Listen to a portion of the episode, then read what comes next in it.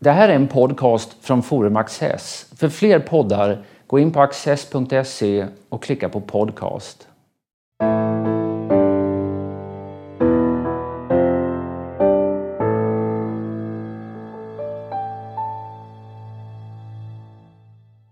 Välkomna till Studio Access. Eh, dagens tema är Kina. Ett väldigt land som på kort tid har utvecklats till en, även en ekonomisk supermakt. Men varifrån man nu också ser tecken på att det, det börjar kärva lite i maskineriet och samtidigt skruvas det politiska trycket åt. Det händer väldigt många viktiga och intressanta saker samtidigt. Och kring detta ska jag resonera med Kristina Sandklev, med Kina-analytiker med erfarenhet från Ericsson, Försvarsmakten, East Capital. Du är varmt välkommen. Tack så mycket. Vi har hört mycket om turbulens på börsen i Kina, Shanghai-börsen. hur ska man tolka detta? Hur ska man förstå vad det är som händer? Man kan se mycket av den turbulensen som har uppstått har ju berott på att eh, man har försökt att in, i Kina omdirigera eh, då, eh, investeringar i fastighetssektorn in på börsen. Och då är det många kineser som har börjat investera på börsen. En del har tagit lån för att investera på börsen. Eh, och istället för att då sätta sina pengar i mm, fastigheter som, där prisutvecklingen inte har varit lika gynnsam. Eh, och nu under i somras så var det folk som började hämta hem vinster och eh, då sjönk ju börsen. Och det var de som kom in sent på det här börsracet, för det gick ju upp nästan 100 procent fram tills dess, mm. under ett år. Då. De har förlorat mycket pengar men man ska komma ihåg också att eh, de här börsrasen som vi ser i Shanghai och Shenzhen, de, där finns det bara ungefär 1 utländskt ägande. Så att ifall man investerar i en Kina-fond här i Sverige så hamnar pengarna i Hongkong istället. Och där, de, har även också, de har ju också eh, sjunkit en del, men det har inte varit lika, riktigt lika dramatiska och lika, det är inte lika instabilt där. Så. Och ett av skälen till att det blev en väldig uppgång i Shanghai till exempel, det var ju alltså att, att regeringen plötsligt tillät människor att låna pengar för att köpa aktier. Ja, och att man också uppmuntrade folk att gå ut på aktiemarknaden. Och eftersom det kinesiska folket eh, ofta lyssnar på vad ledarna säger och säger de att det här är bra, det här kan ni tjäna pengar på, då tänker man då kommer vi säkert att kunna tjäna pengar på det här.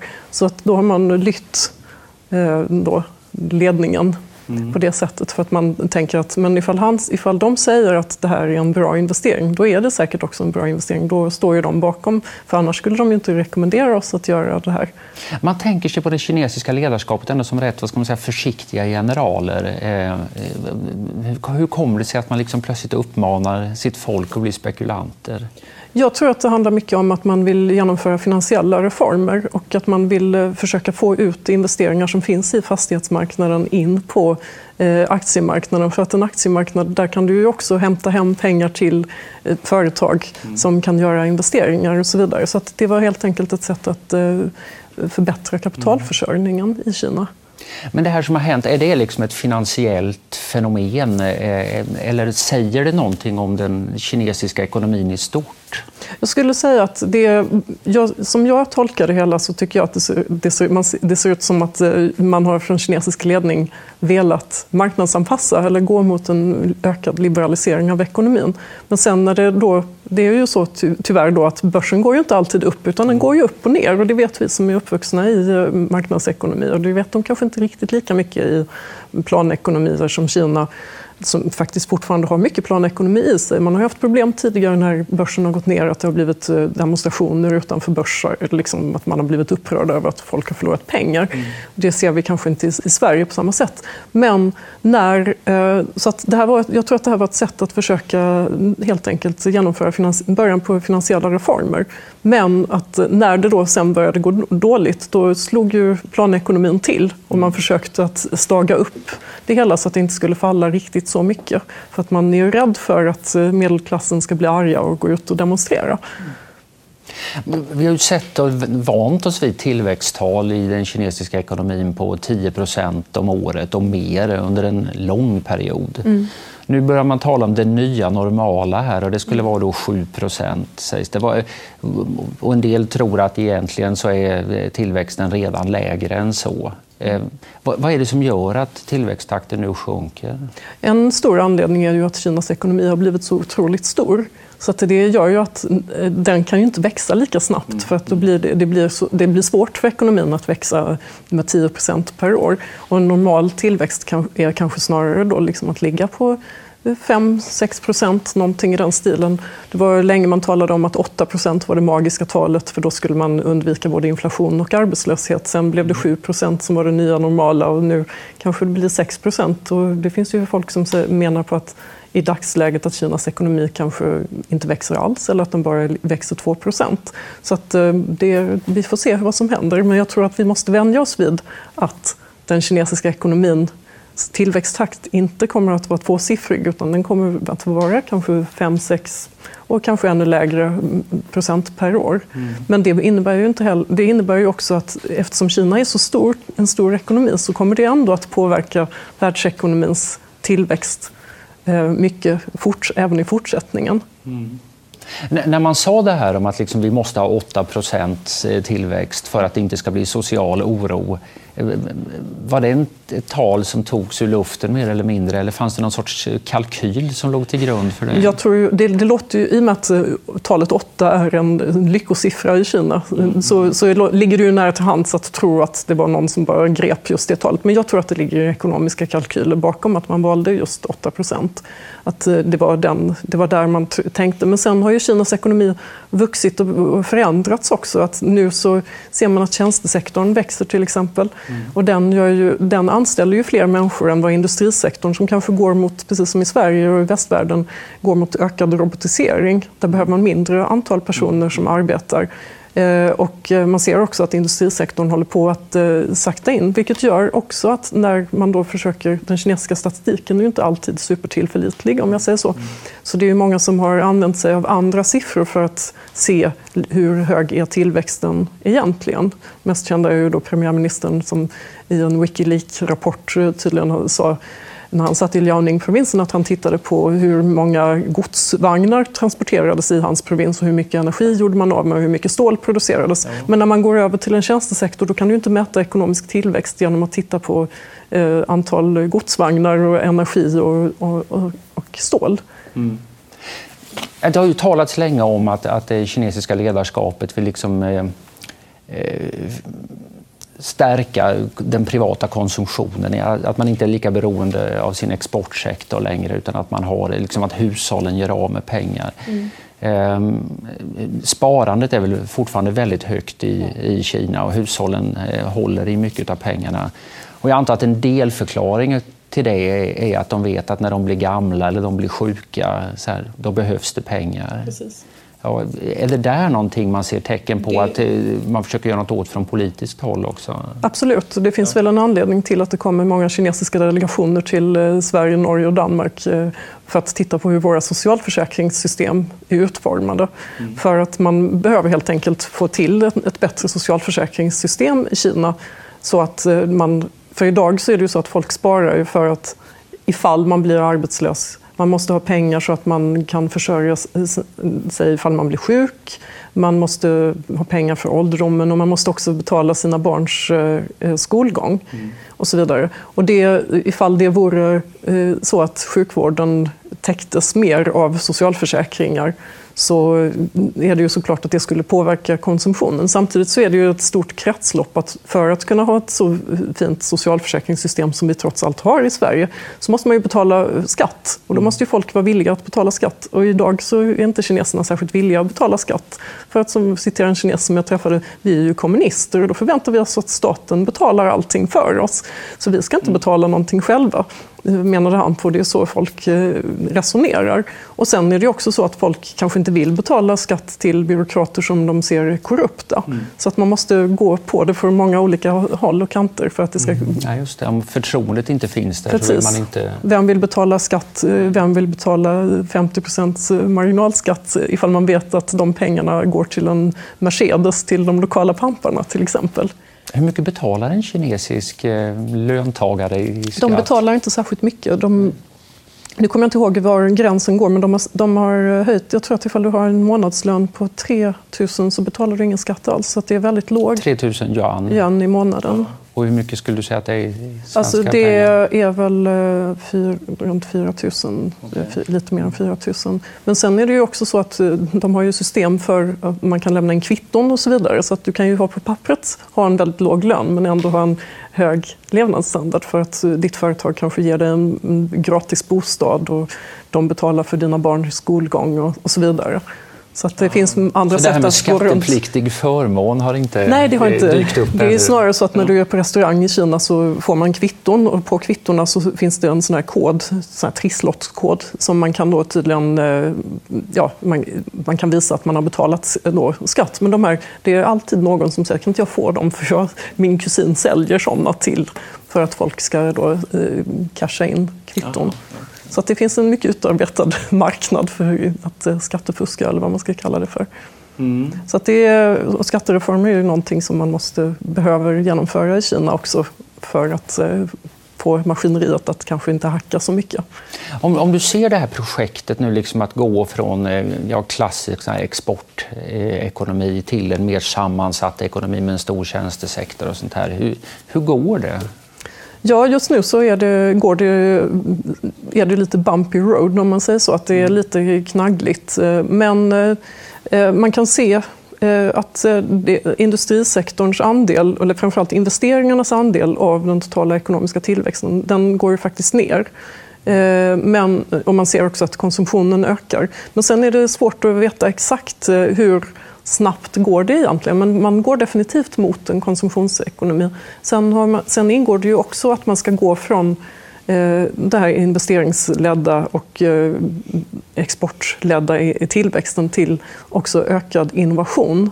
Alltså att man utvecklar mer teknikföretag, eh, att man har mer teknisk utveckling. Och där tycker jag att, eh, även ifall det är många som menar på att kineserna men de har ju inte uppfunnit någon iPad ännu, så är man ändå på väg åt det hållet. Men det finns en stor innovation inom, i, i, i Kina, både bland i high-tech och low-tech. Mm. Och den eh, är lätt att missa. Men det finns också stora osäkerheter, inte minst det här eh, att, eh, avsaknaden av en rättsstat kan man väl säga. Att det, liksom, du kan, eh, det är si och så med det skyddet för inte, vad säger man, intellektuell egendom, mm. patent, copyright. Eh, men också eh, vanlig äganderätt. Alltså den är skör i Kina. Absolut. Eh, är det här någonting, och det låg väl så att säga, ja, det är ju trots allt ett kommunistparti som styr, även om man, man glömmer mm. bort detta ofta, med en viss skepsis mot det här med enskilt ägande. Mm.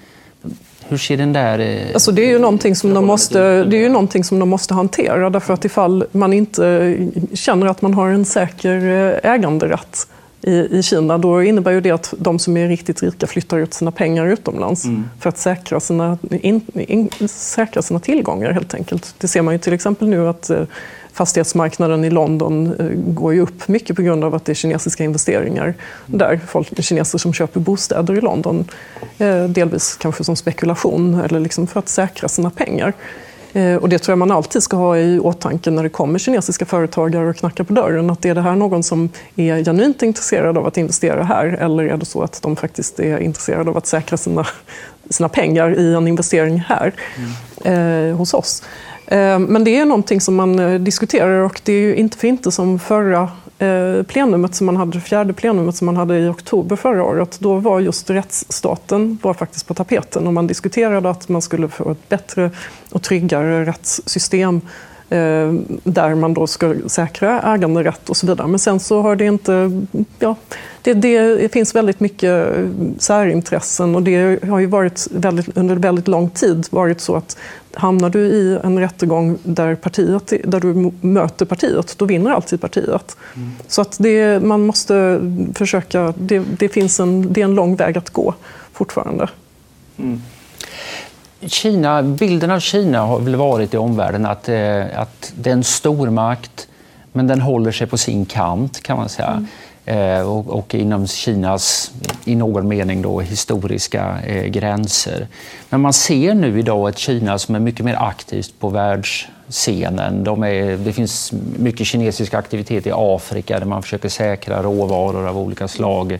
Eh, eh vi kan prata lite grann sen om, om vad de håller på med i Sydkinesiska sjön där de flyttar fram sina positioner.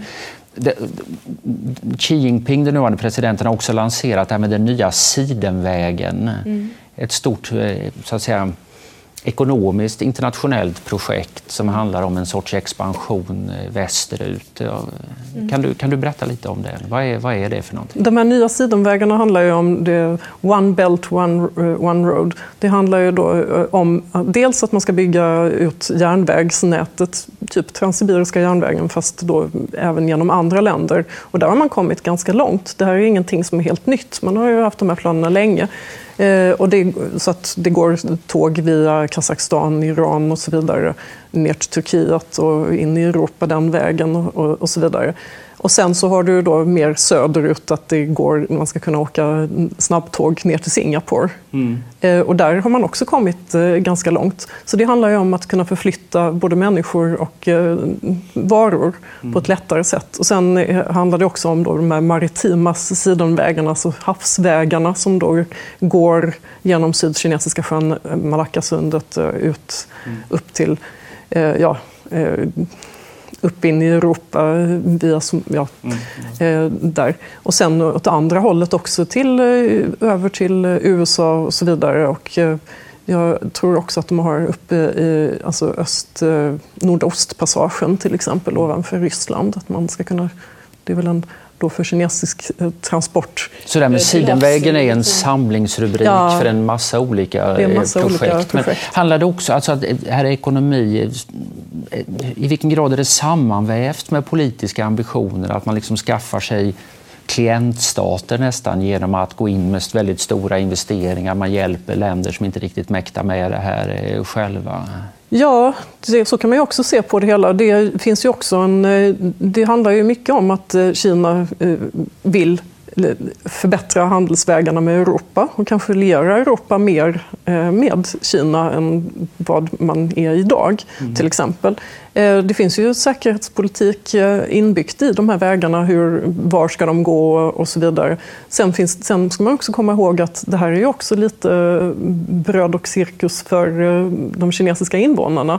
Att okej, okay, nu kanske tillväxten inte är jättestark här i Kina men vi är minsann stora och ska planera att göra stora vägar eh, in i Centralasien där det kanske saknas transportvägar och ner i Pakistan och Afghanistan och så vidare där det behövs vägar. Och vägar är ju faktiskt en sak som man har sett rent eh, ekonomisk utvecklingsteori att det mm. är någonting som gör att eh, de fattiga kan ta sig ifrån eh, sina fattiga och det leder till utveckling. Och det blir också något, menar du, förstår jag det rätt, att du säger att det, liksom, det blir en sorts projekt också? Att man visar ja. att man är kapabel till något djärvt och nydanande? Man är kapabel till något nydanande och det är ja. någonting som är stort och alla kan dra nytta av det här, att man mm. öppnar upp sig ännu mer. Mm. Österut då, och sydost, eh, eh, där eh, det finns mycket, ja, det finns öar som är ifrågasatta, liksom många olika länder gör anspråk på dem. Men där har Kina agerat ganska aggressivt. Man bygger till och med nya öar ute i, mitt ute i havet. Precis och, och befolkar dem och bygger landningsbanor för flyg och sånt här. Vad, och vilket ju också har gjort att Kina har gjort sig ganska impopulärt bland ett antal grannländer, eh, Vietnam, Filippinerna och, och så vidare. Vad, vad är de ute efter? Jag tror att de är ute efter energiråvaror och fisk som finns i området samt också att man ska komma ihåg att framförallt eh, Sydkinesiska havet, där går en väldigt stor andel av eh, sjötransporten eh, till Europa från Östasien, mm. från Japan, Sydkorea, och Taiwan och Kina, passerar den här delen. Och där är det är viktigt för Kina att eh, känna att man behärskar den delen. Det är också viktigt för de andra länderna att känna att Kina inte behärskar den delen och USA är kanske inte helt förtjust i tanken på att eh, det, att det ska vara Kina som eh, härskar över den här delen. Av. Sen är det ju så också att de här små öarna enligt eh, då havsrätt, internationell havsrätt så har du, en, har, ifall du besitter en av de här öarna så har du också tillgång till ett visst antal nautiska mil runt omkring. Mm. Så att det innebär att, eh, som till exempel de här Jiaoyu eller Senkakuöarna som man då är omtvistade med Japan. Mm. Ifall Kina skulle ha det, då har de tillgång till att eh, kunna utvinna olja och gas som man tror ligger i närheten där. Medan ifall Japan har dem så har japanerna rätten på sin sida. Så att eh, det är ju det det handlar om i slutändan. Så de där Natur... stenblocken har, de har ingen något större intresse av utan det är just möjligheterna? Det är till... möjligheterna, det, det är det som ligger omkring stenblocken. Mm. Och sen är väl då frågan ifall internationell lag eh, ger Kina rätten till de här. Det är kanske inte helt självklart.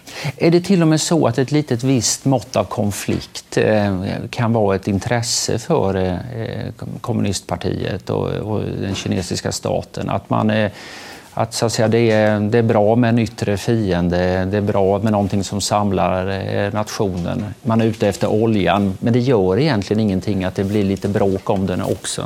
Alltså det, det är lite problematiskt att eh, se det på det. Det är väldigt lätt att eh, man kan mena då att oh, ett svagt land, då attackerar man utåt för att visa sig starkt. Men det, när det gäller Japan till exempel så har man ju väldigt stort handelsutbyte med Japan. Och Eh, Eh, när det gäller, och man har samtidigt så har man sedan 90-talet drivit en väldigt patriotisk politik inne i Kina vilket har gjort att många unga kineser är väldigt patriotiska och nationalistiska. Och det finns en del forskare som menar på att den kinesiska utrikespolitiken av, gentemot Japan styrs väldigt mycket från internet. Mm. För att ifall eh, då Xi Jinping, eller den kinesiska ledningen, inte ställer sig upp och säger ifrån mot eh, Japan, då visar de sig svaga. Och då är de inte bra och då minskar de i impopularitet. Och när det har varit såna incidenter där det har blivit, som har lett till, Japan, till anti-japanska demonstrationer organisationer så har ju de ganska snabbt gått nästan gått ledningen ur händerna. Alltså det har blivit såna enorma demonstrationer så att man har varit tvungen att efter några dagar, efter, några veck efter någon vecka liksom försökt stänga ner det därför att det skadar ekonomin mycket, alltså de ekonomiska relationerna. Sen är det ju också så att när kineserna blir eh, upprörda och inte tycker om japaner så växte ju japanska nationalister till liv i Japan. De är förvisso inte lika många som kineserna, men det, är ändå, det finns ändå mm. det, det, det liksom hat föder hat, om man säger så. Ja, och, och, det blir en väldigt, det är en väldigt komplex situation. Man känner den här nationalismen, det är, det är verkligen då ett, en sorts tveeggat svärd för ledningen. För det, det finns ju ganska många bedömare som idag tror att det här, så att säga, okej, okay, partiet kommer att fortsätta heta kommunistpartiet. Mm. Men liksom, det är inte mycket eh, puls kvar i, i kommunismen som en, en eh, livgivande idé eller inspirerande idé. Och då menar väl många att liksom, vad ska man ersätta detta med? Ja. Nationalism och att, att det skulle kunna vara förklaringen till en del fenomen man ser. Det här att återupprättandet av Konfucius, alltså man hittar egna vishetslärare istället, och auktoriteter istället för att importera Karl Marx och andra skäggiga tyskar. Liksom. Eh, eller att eh, ja, det, det, finns ett nytt gryende intresse för Chiang Kai-shek, alltså den här mannen som styrde Kina före Mao och kommunisterna, som ju har varit en, en ond icke-figur så att säga, i kommunistisk historieskrivning. Men han var också en nationell hjälte som ledde mycket av striderna emot eh, Japan. Mm. Och att nu måste, säger dessa analytiker, mm. eh, att man måste hitta metoder för att inkorporera honom i, mm. i den positiva kinesiska historien. Ja. Jo, nej, men absolut. Sen 89 så har man, ju under, har man ju lyft upp nationalismen och kärleken till fosterlandet väldigt mycket mer än vad man gjorde tidigare. Och de unga kineserna är väldigt mycket mer nationalistiska än vad de äldre är. Mm. Eh, för att eh, de äldre ser, de ser ju ibland, de har ju sett, när de ser de här anti-japanska demonstrationerna så får ju de lite flashbacks till hur det var under kulturrevolutionen och det tycker de inte är riktigt lika mm. roligt. Mm. Så att det är absolut så att man använder sig av nationalismen men samtidigt, som, precis som du sa, att det är ett tveeggat svärd. Man kan skada sig på det också ganska mycket för att Eh, när man då ska försöka förklara för de här ungdomarna att ja, men alla japaner är inte dumma. Men de som vi har sett på tv, de är dumma. Som har varit i de här filmerna som handlar om då elaka japaner som är elaka mot uh, kineser. Så för att allting som japanerna gjorde i Kina var ju faktiskt inte dåligt. En sak som de gjorde var ju, under ockupationen var ju att de till exempel satte upp en industribas i Manchuriet som inte fanns där tidigare. Eh, till exempel. Mm. Så att eh, det, det är väldigt tveeggat. Och det är svårt att kontrollera också för ledningen. För att man kan ju inte heller gå ut och säga att Nej, men vi ljög för er för att ni skulle ha någonting. För att, och det är ju många kineser som tycker mycket om sitt land, fosterland också. Mm. presidenten Xi Jinping, vem är han? Oh, han är en så kallad princeling, det vill säga han är ett, eh, då, född och uppvuxen inom kommunistpartiet. kan man säga. Hans eh, pappa var en hög kommunist, eh, satt ganska högt upp i kommunistpartiet. Och, så att han har, och sen så råkade han ganska illa ut under kulturrevolutionen och tillbringade många år ute på landsbygden. Mm. Och sen kom han tillbaka till Peking efter kulturrevolutionen och har då sakta men säkert klättrat uppåt eh, och gjort karriär från, i mm. olika... Han kom ju då eh, tidigare, eh, innan han blev president eller vicepresident eller hamnade i Peking så satt han i Shanghai en kort, en kort sejour. Men innan dess så var han eh, partipamp i eh, Zhejiang-provinsen och under den tiden så privatiserade han väldigt mycket. Och, eh, så. så att, eh, och han, uppenbarligen så vill han gärna eh, att folk ska tycka mycket om honom. Och eh, det finns en del som menar att han försöker skapa en ny maoism där han är den nya ledaren, då, nya Mao. Ja, det talas om en personkult eh, utav honom. Ja. Samtidigt får man säga att liksom repressionen har ökat på senare år. här. Men vi ser ett mer offensivt Kina i de internationella relationerna som vi har varit inne på och ett ökat tryck, politiskt tryck mot oliktänkande och etniska och religiösa minoriteter i Kina under Xi Jinping.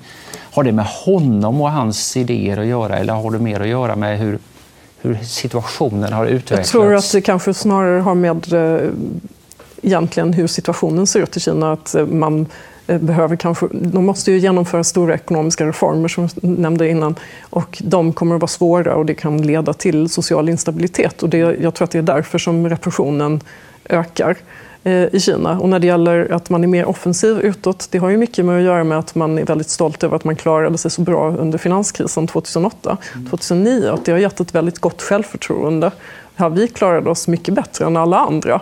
Vi drev i princip världsekonomin under, dem, under ett par år. Mm. Eh, och, eh, och, det har gett dem råg i ryggen.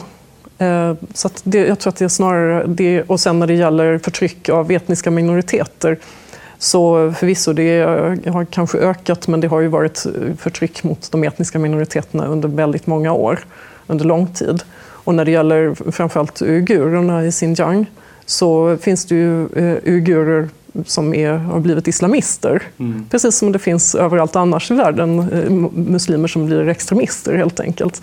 Eh, och för, kineser, för kinesiska kommunistpartiet som är då per definition ateister så är det lite svårt att förstå varför ska man vilja gå till moskén och varför vill man göra ramadan och så vidare. De har, det, det blir liksom, istället så tolkar man det som att ifall man, inte, ifall man fastar under ramadan att man kanske är då extremist och terrorist och så vidare, fast man egentligen inte alls är det. Så att det, det finns andra dimensioner i, den, i förtrycket av just uigurer, skulle jag vilja säga.